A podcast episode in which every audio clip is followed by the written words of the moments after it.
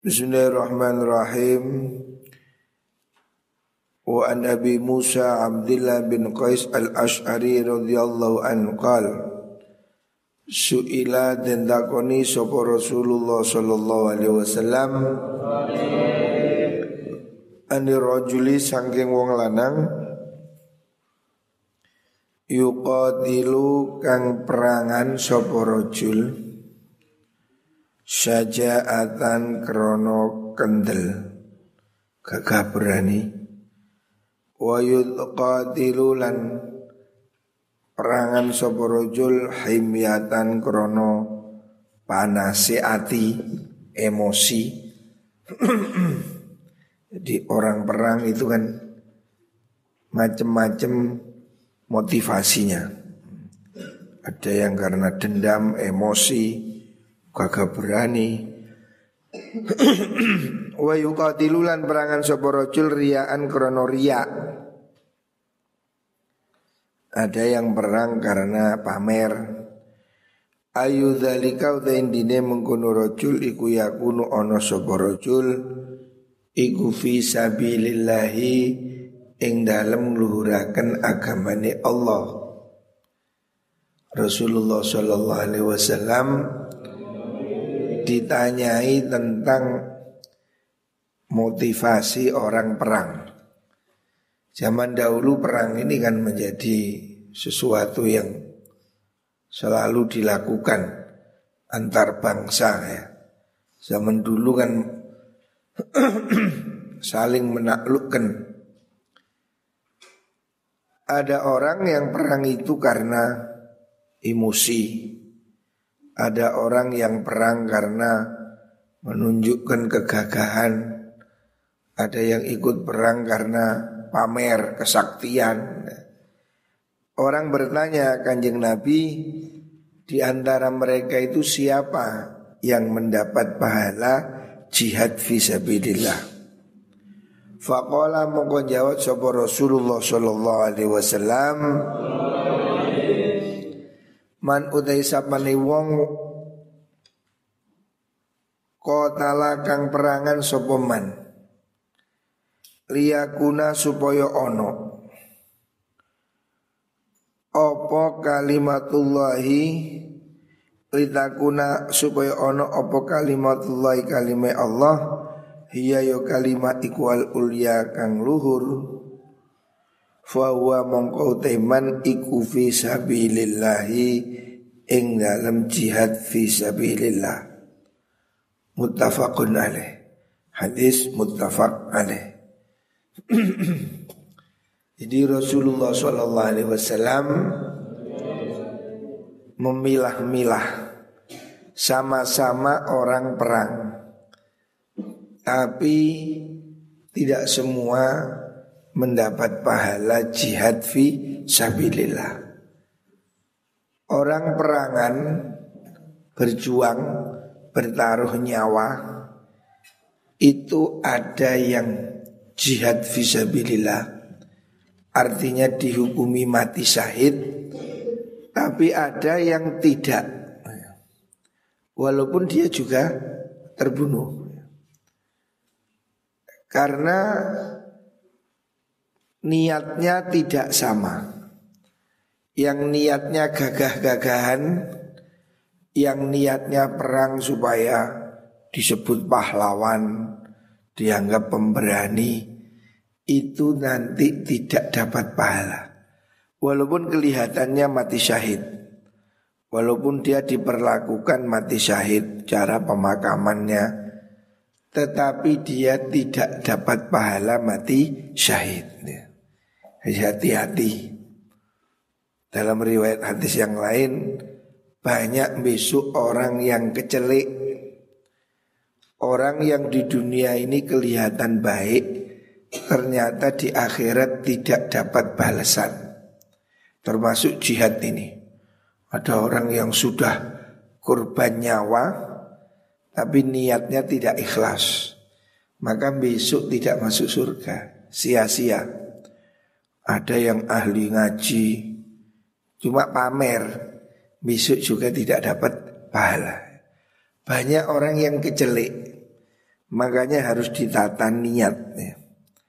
Walaupun jihad visabilillah korban nyawa, tapi belum tentu dihukumi jihad visabilillah.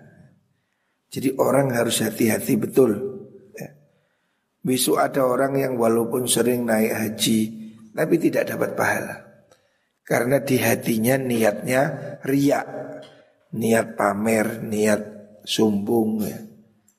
Makanya ini sesuatu yang penting. belajar ilmu tasawuf ini penting. Siapa orang tidak belajar ilmu akhlak, ilmu tasawuf, maka dikhawatirkan dia ini mati dalam keadaan dosa besar. Karena dia kelihatannya baik, niatnya tidak baik, rugi ya. Kelihatannya sodakoh tapi niatnya pamer Tidak ada pahala Makanya ilmu akhlak, ilmu tasawuf ini penting untuk dandani hati supaya amalan kita betul-betul benar diterima oleh Gusti Allah. Selanjutnya wan Abi Bakr Nafi' bin Haris Al-Thaqafi radhiyallahu anhu anna nabiyya sallallahu alaihi wasallam qal Idzal taqa nalikane tetemu sapa al muslimani wong muslim luru? Kalau ada dua orang muslim bertemu Bisaifi bisaifayhima kelawan pedang lurune muslimah ini apabila ada dua orang bersenjata carok nah duel. Dua orang bersenjata berduel fal qatilu mongko utai wong kang mateni wal maktulu lan kang den pateni iku finnari ing dalem neraka. Dua-duanya masuk neraka. Jadi orang yang membunuh dan dibunuh sama-sama masuk neraka. Sahabat bertanya, "Loh, Kok pembunuh dan dibunuh sama-sama masuk neraka? Kenapa? Kultu ngejap ingsun Rawinya Nafi' bin Harith Kultu ngejap ingsun ya Rasulullah ya Rasulullah Hada utai wong ikwal qatilu wong kang mateni Kalau yang membunuh masuk neraka kan ya jelas Tapi fama utai opo iku balul maktuli utawi tingkai wong kang den pateni Kenapa kok dua-duanya masuk neraka? Jadi Nabi mengatakan siapa orang berduel, carok, tawur, siapa orang bersenjata, bacoan, maka yang membunuh dan dibunuh sama-sama masuk neraka. Sahabat bertanya, "Loh, kalau yang membunuh masuk neraka, faham. Tapi yang dibunuh kok juga masuk neraka. Bagaimana itu? Nabi menjawab, Inna usutini maktul iku kana ono sopo maktul iku harison wong kang demen ala qatli sahibihi ing atase mateni konjone al maktul muttafaqun alaih Hadis muttafaqun alaih. Jadi ada orang membunuh dan dibunuh itu sama-sama masuk neraka. Kenapa? Sebab yang membunuh itu yang menang, yang dibunuh itu yang apes. Tapi masing-masing kan ingin membunuh. Gitu. Jadi yang dihukumi niatnya. Orang duel, carok, gelut, ada orang dua duel bawa pisau. Curhat saling tusuk satu mati satu hidup. Dua-duanya masuk neraka. Loh kenapa? Sebab yang hidup ini kebetulan untung menang. Tapi dia memang ingin membunuh musuhnya Lah yang terbunuh ini apes kalah Maka dia terbunuh Sebetulnya kalau dia menang tentu dia yang membunuh. Jadi yang dihukumi niatnya. Terbunuh pun masuk neraka. Jadi orang carok, orang duel, duel yang tidak ada alasan ya. Duel gagah-gagahan, ayo geluta, ayo carok, yo tarung. Dua-duanya masuk neraka. Yang membunuh masuk neraka, yang dibunuh juga masuk neraka. Sebab dua-duanya ini punya niat membunuh. Maka yang tidak terbunuh pun dihukumi sama membunuh Yang terbunuh juga sudah dihukumi juga ingin membunuh Tapi dia kalah terbunuh Masing-masing masuk neraka Makanya jangan nuruti emosi. Geger nantang gelut, nantang carok, nantang duel Itu bodoh. Sebab siapa pun yang kalah menang, yang bunuh, terbunuh Itu semuanya masuk neraka. Beda kalau orang itu Masuk duel karena bela diri. Itu boleh. Umpamanya kita ini di rumah dirampok Didatangi rampok bersenjata Boleh melawan Boleh dua pilihan Kamu nggak sanggup menyerah Ya silahkan tapi kalau kamu berani tanding, carok, boleh. Kalau begini mati syahid. Orang mati membela kehormatan mati syahid. Orang mati membela diri mati syahid. Orang mati membela harta mati syahid. Kalau kamu memang membela diri. Tapi kalau ganok gak ini saking gagah-gagahan, ayo mana ya gelutak Ayo. Itu mbek koncone kon wani ya. Bacok yo, wani. Mosok sih iya coba. Hmm? Kon wani. Ayo ilating situ itu. Iki wong gendeng nih kok jangkrik dikileni. Diadu. Ini bodoh. Kalau kamu bertarung gelut, duel, saling bunuh, maka dua-duanya masuk neraka. Yang membunuh, yang dibunuh sama hukumnya.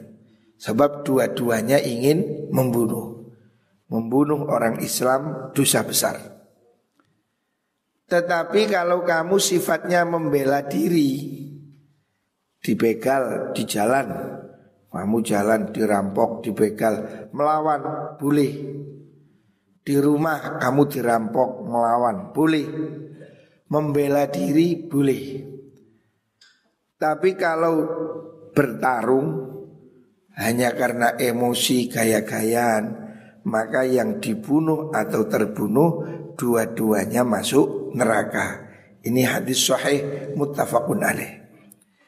Wa Nabi Hurairah radhiyallahu an qal qala Rasulullah sallallahu alaihi wasallam Salatul rajuli utai salate wong lanang fi jamaatin ing dalem jamaah.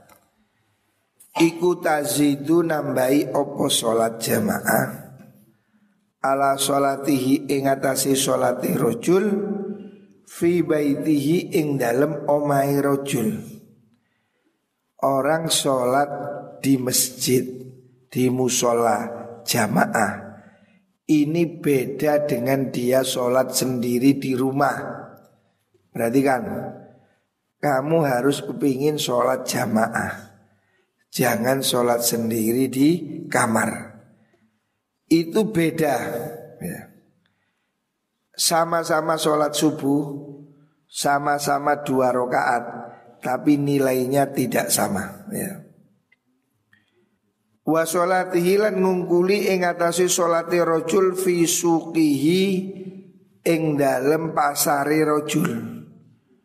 Beda sholat di rumah, beda sholat di pasar kalau tidak berjamaah. Bedanya berapa? Bid'an kelawan unjul, ya, bid'an itu lebih. Wa isrina lan rong puluh apa ini darojatan derajati. Jadi selisih 20 kali lipat lebih Sholat jamaah dibanding sholat tidak jamaah Makanya rugi kalau kamu tidak sholat jamaah di pondok ini sangat rugi. Sebab kamu ini loh di pondok apa sih kesibukan tidak ada. Alhamdulillah. Dengarkan biasa. Harus baca apa? Yarhamu Ya dikumullah Orang di pondok tidak sholat jamaah Ini rugi besar. Sebab kesempatan kamu jamaah di pondok ini luar biasa. Pondok ini kamarnya dekat dengan musola. Malam kamu juga harusnya tidur Mungkin ada orang yang sulit jamaah karena malam masih nguli, becak. Kamu itu loh malam kan tidur. Kalau kamu pagi tidak jamaah itu rugi. Sangat rugi orang mondok tidak sholat jamaah. Betul-betul rugi. Maka sudah sering saya ingatkan. Terutama anak-anak yang di dalam itu. Jangan terus menerus nakal tidak jamaah rugi ya. Sangat rugi orang di pondok tidak sholat jamaah. Pahalanya berlipat-lipat. Belum soal doa ya. Doa dalam sholat berjamaah Diamini 40 orang lebih Bahkan 200 Ini doa dikabulkan. Makanya orang ahli jamaah Itu hidupnya berkah. Karena doanya ini bersama-sama dikabulkan oleh Allah. Jadi rugi bodoh.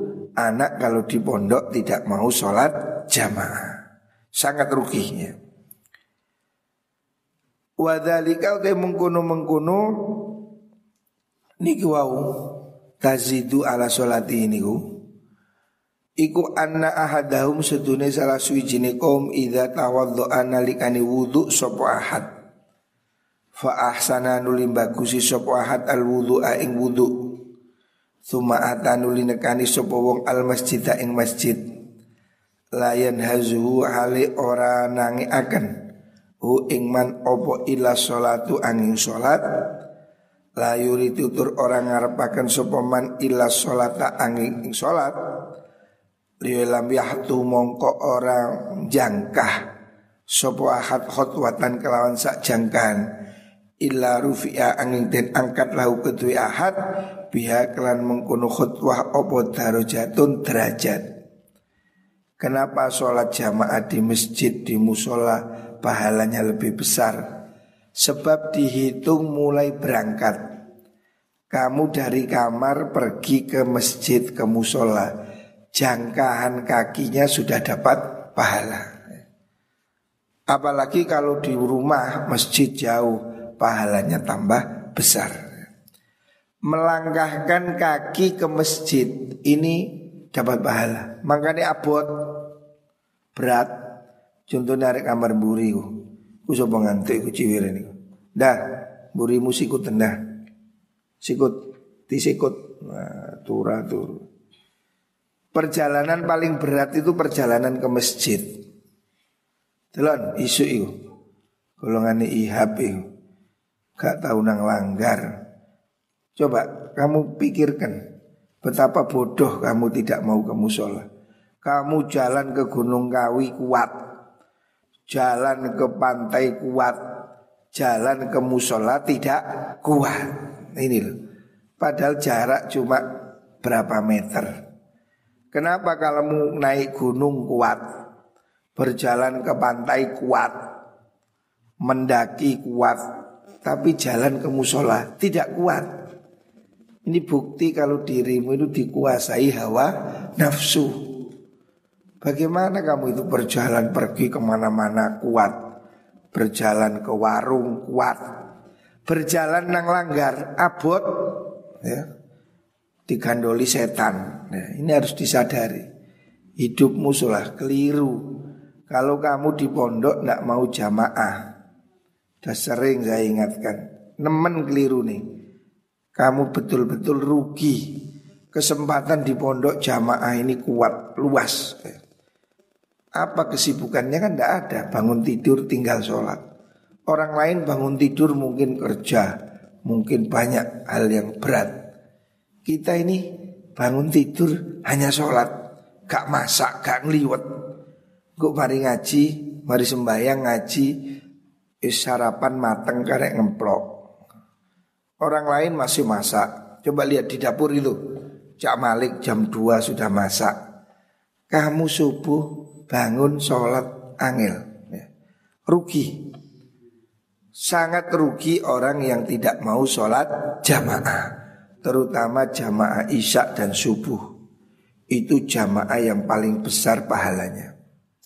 Jadi kamu harus sadari, perhatikan niatmu ke pondok ini untuk apa. Ya. Kalau kamu sudah di pondok tapi bolos tidak mau jamaah, alangkah rugi. Sebab satu langkahnya aja sudah dapat pahala, dosanya dihapus. Hatta yadkhula sehingga mlebu sapa al masjid ing masjid. Fa idza dakhala nalikane mlebu sapa wong al masjid ing masjid. Karena mongko ono sapa hatiku fi sholati ing dalem ganjarane salat makanat selagine ono apa? Salatu salat hiya salat. Iku tahbisuhu ngeker nahan. Apa salat hu ing ahad? Kalau kamu sudah masuk di masjid kamu masuk musola. Selama kamu duduk di sini nunggu jamaah itu kamu terus dapat pahala. Beda dengan sholat di kamar. Kamu sholat di kamar ya sudah cuma pahalanya satu tapi kalau kamu datang ke musola, ke masjid, mulai berangkat sudah dihitung pahala, duduk tok di sini kamu, duduk nunggu jamaah dapat pahala sampai jamaah. Jadi duduk sudah dihitung sholat jamaah. Ini lo untung. Makanya kamu harus punya niat ganti gaya hidupmu. Ya opo carane kamu sudah masuk musola sebelum azan targetkan saya harus di musola sebelum adzan. Itu pahalanya luar biasa. Duduk menunggu sholat lunggu tok, apalagi baca Quran, apalagi wirid, zikir, itu pahalanya seperti sholat sudah. Terus nunggu di sini wiritan dapat pahala. Makanya saya bilang rugi, sangat rugi orang yang mondok tidak sholat jamaah itu rugi total. Saya dulu di pondok dipesan sama ayah saya nomor satu sholat jamaah. Sudah ini target. Bagaimana kamu di pondok lima waktu jamaah. Siapa orang 40 hari sholat jamaah, insya Allah hatinya menjadi bersih, dihilangkan penyakit munafik, penyakit kepalsuan. Kamu menjadi nakal karena kamu tidak sholat jamaah. Makanya ini harus dibenahi. harus dibenahi bagaimana kamu menjadi lebih baik. Jangan sampai mondok tidak jamaah. Wal malaikatu tay malaikat iku yusalluna ndongaaken sapa malaikat. Semua malaikat itu mendoakan.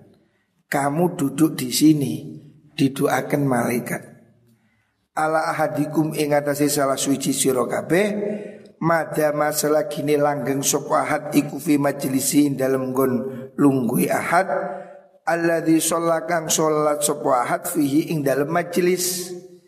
Siapa orang sholat jamaah terus duduk wiritan selama dia duduk di tempat itu didoakan malaikat. Ini loh istimewanya sholat berjamaah kalau kamu sholat di kamar, tidak ada yang doakan. Rugi.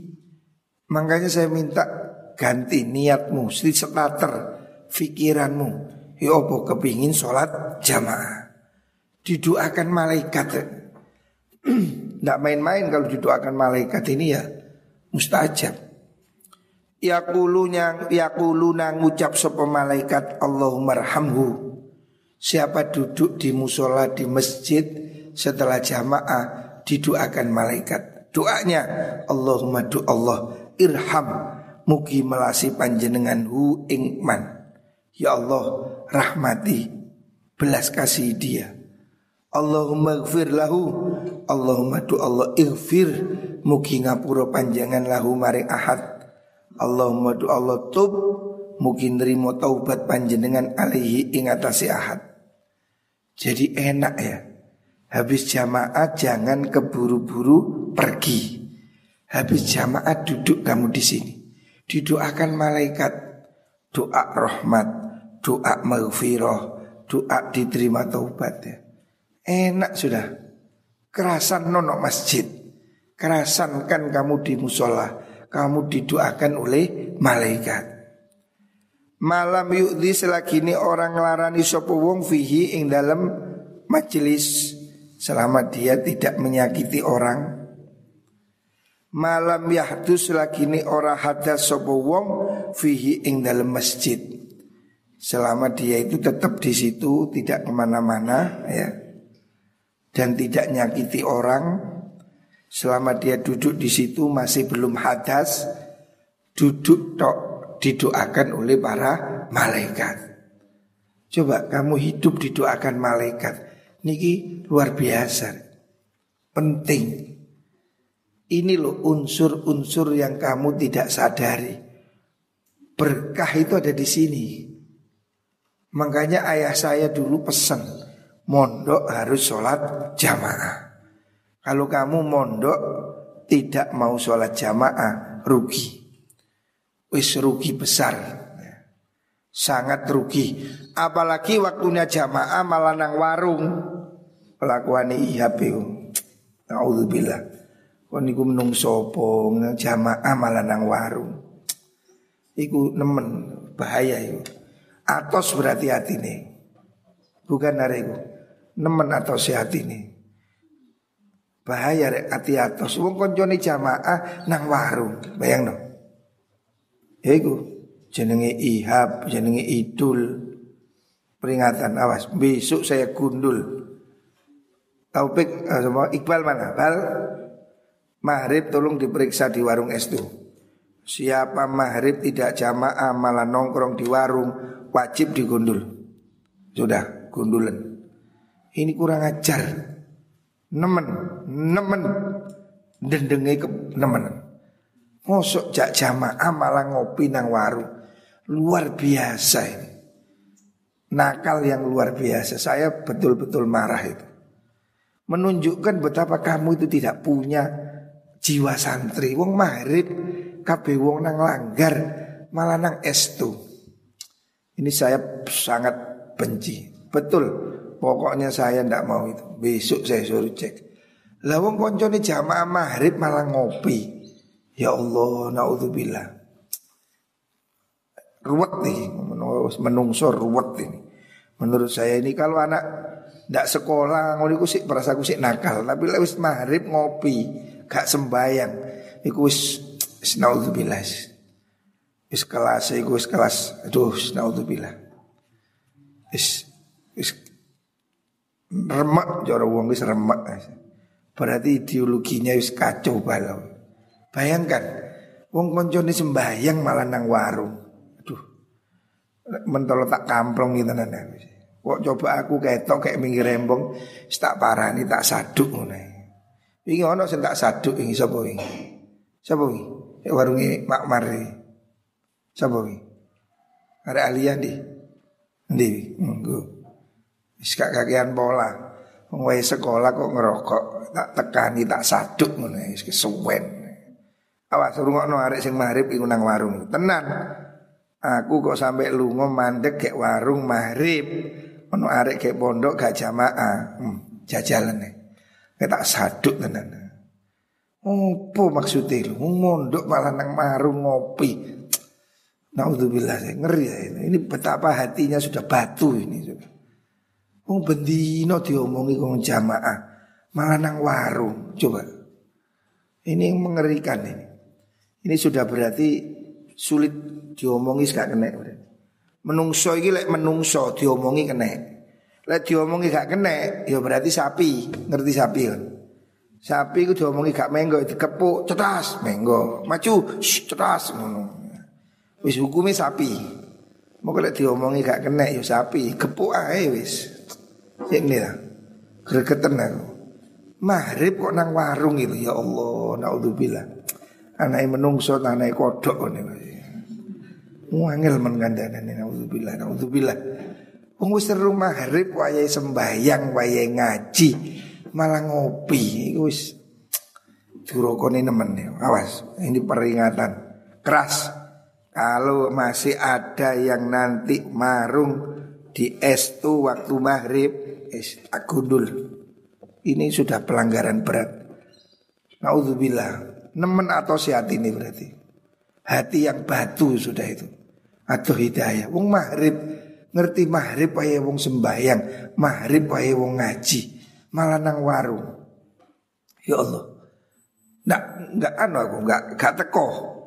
Ati koyo opo eleke Kok iso ngedoi ngaji di joli kopi lho ya Allah. Masih anak bakul kopi yo gak ngono. Ini peringatan ini. Saya betul-betul marah ya. Saya awas, saya tidak toleransi kalau ada nanti maghrib waktunya jamaah kamu ngopi di warung, hmm, harus digundul ini. Berat ini sudah. Um, jamaah pahalanya untuk diri sendiri kok malah ngopi. Lek ngopi mesti ngerokok, apalagi di warung es tuh. Saya melarang semuanya duduk di warung es tuh tidak boleh. Karena di situ tempat anak ngopi, ngerokok. Semuanya tidak boleh masuk warung es tuh. Ya. Ini sudah saya umumkan. Saya tidak mau kamu ikut pergaulan orang-orang nakal. Ya. Kamu mondok untuk jadi baik. Lalu kamu mondok kepingin nang estu, lerenoi nyebut tak nyebut gaya nang estu musisan. Untuk apa mondok nggak mau ngaji nggak jamaah? Tidak ada gunanya ya. Wa hadza hadis iku lafdhu Muslim lafati Imam Muslim. Wa qawluhu taidawi Rasulullah sallallahu alaihi wasallam rupane yanharuhu huwa tilafat yanhazu oh yanhazuhu bi fathil ya wal ha wa zai iku ayyukhriju ayyukhrija ay ay ayyukhrijuhu tegese ngetokaken hu ing wong wa yunhiduhu lanange akan ing wong maksudnya siapa orang yang pergi ke masjid ya. siapa orang bangun dari rumah dari kamar pergi ke masjid pergi ke musola tujuannya, niatnya hanya untuk pergi ke masjid, bukan ke pasar mampir ke masjid. Siapa orang dari rumah bangun pergi niat datang ke masjid, ke musola, itu dia setiap langkah sudah dapat pahala. Ya. Setiap langkahnya dihitung sebagai pahala, ditambahi kebaikan dan diampuni dosanya. Ya. Makanya saya minta semuanya yang kamu merasa mondok di sini saya wajibkan semuanya jamaah. Jangan sampai awas peringatan ihab idul dengarkan. Raihan ada Raihan. Tangek no. Awas saya marah kalau kamu maghrib ngopi di warung tidak jamaah. Awas tak gundul. Ini pelanggaran berat. Ya. Mondok tidak jamaah itu pelanggaran. Rugi, rugi, sangat rugi. Ya. Awas. Muga-muga kabeh diparingi sergap jamaah. Muga-muga kabeh seneng jamaah. Dan hidupnya penuh berkah. Amin Allahumma amin.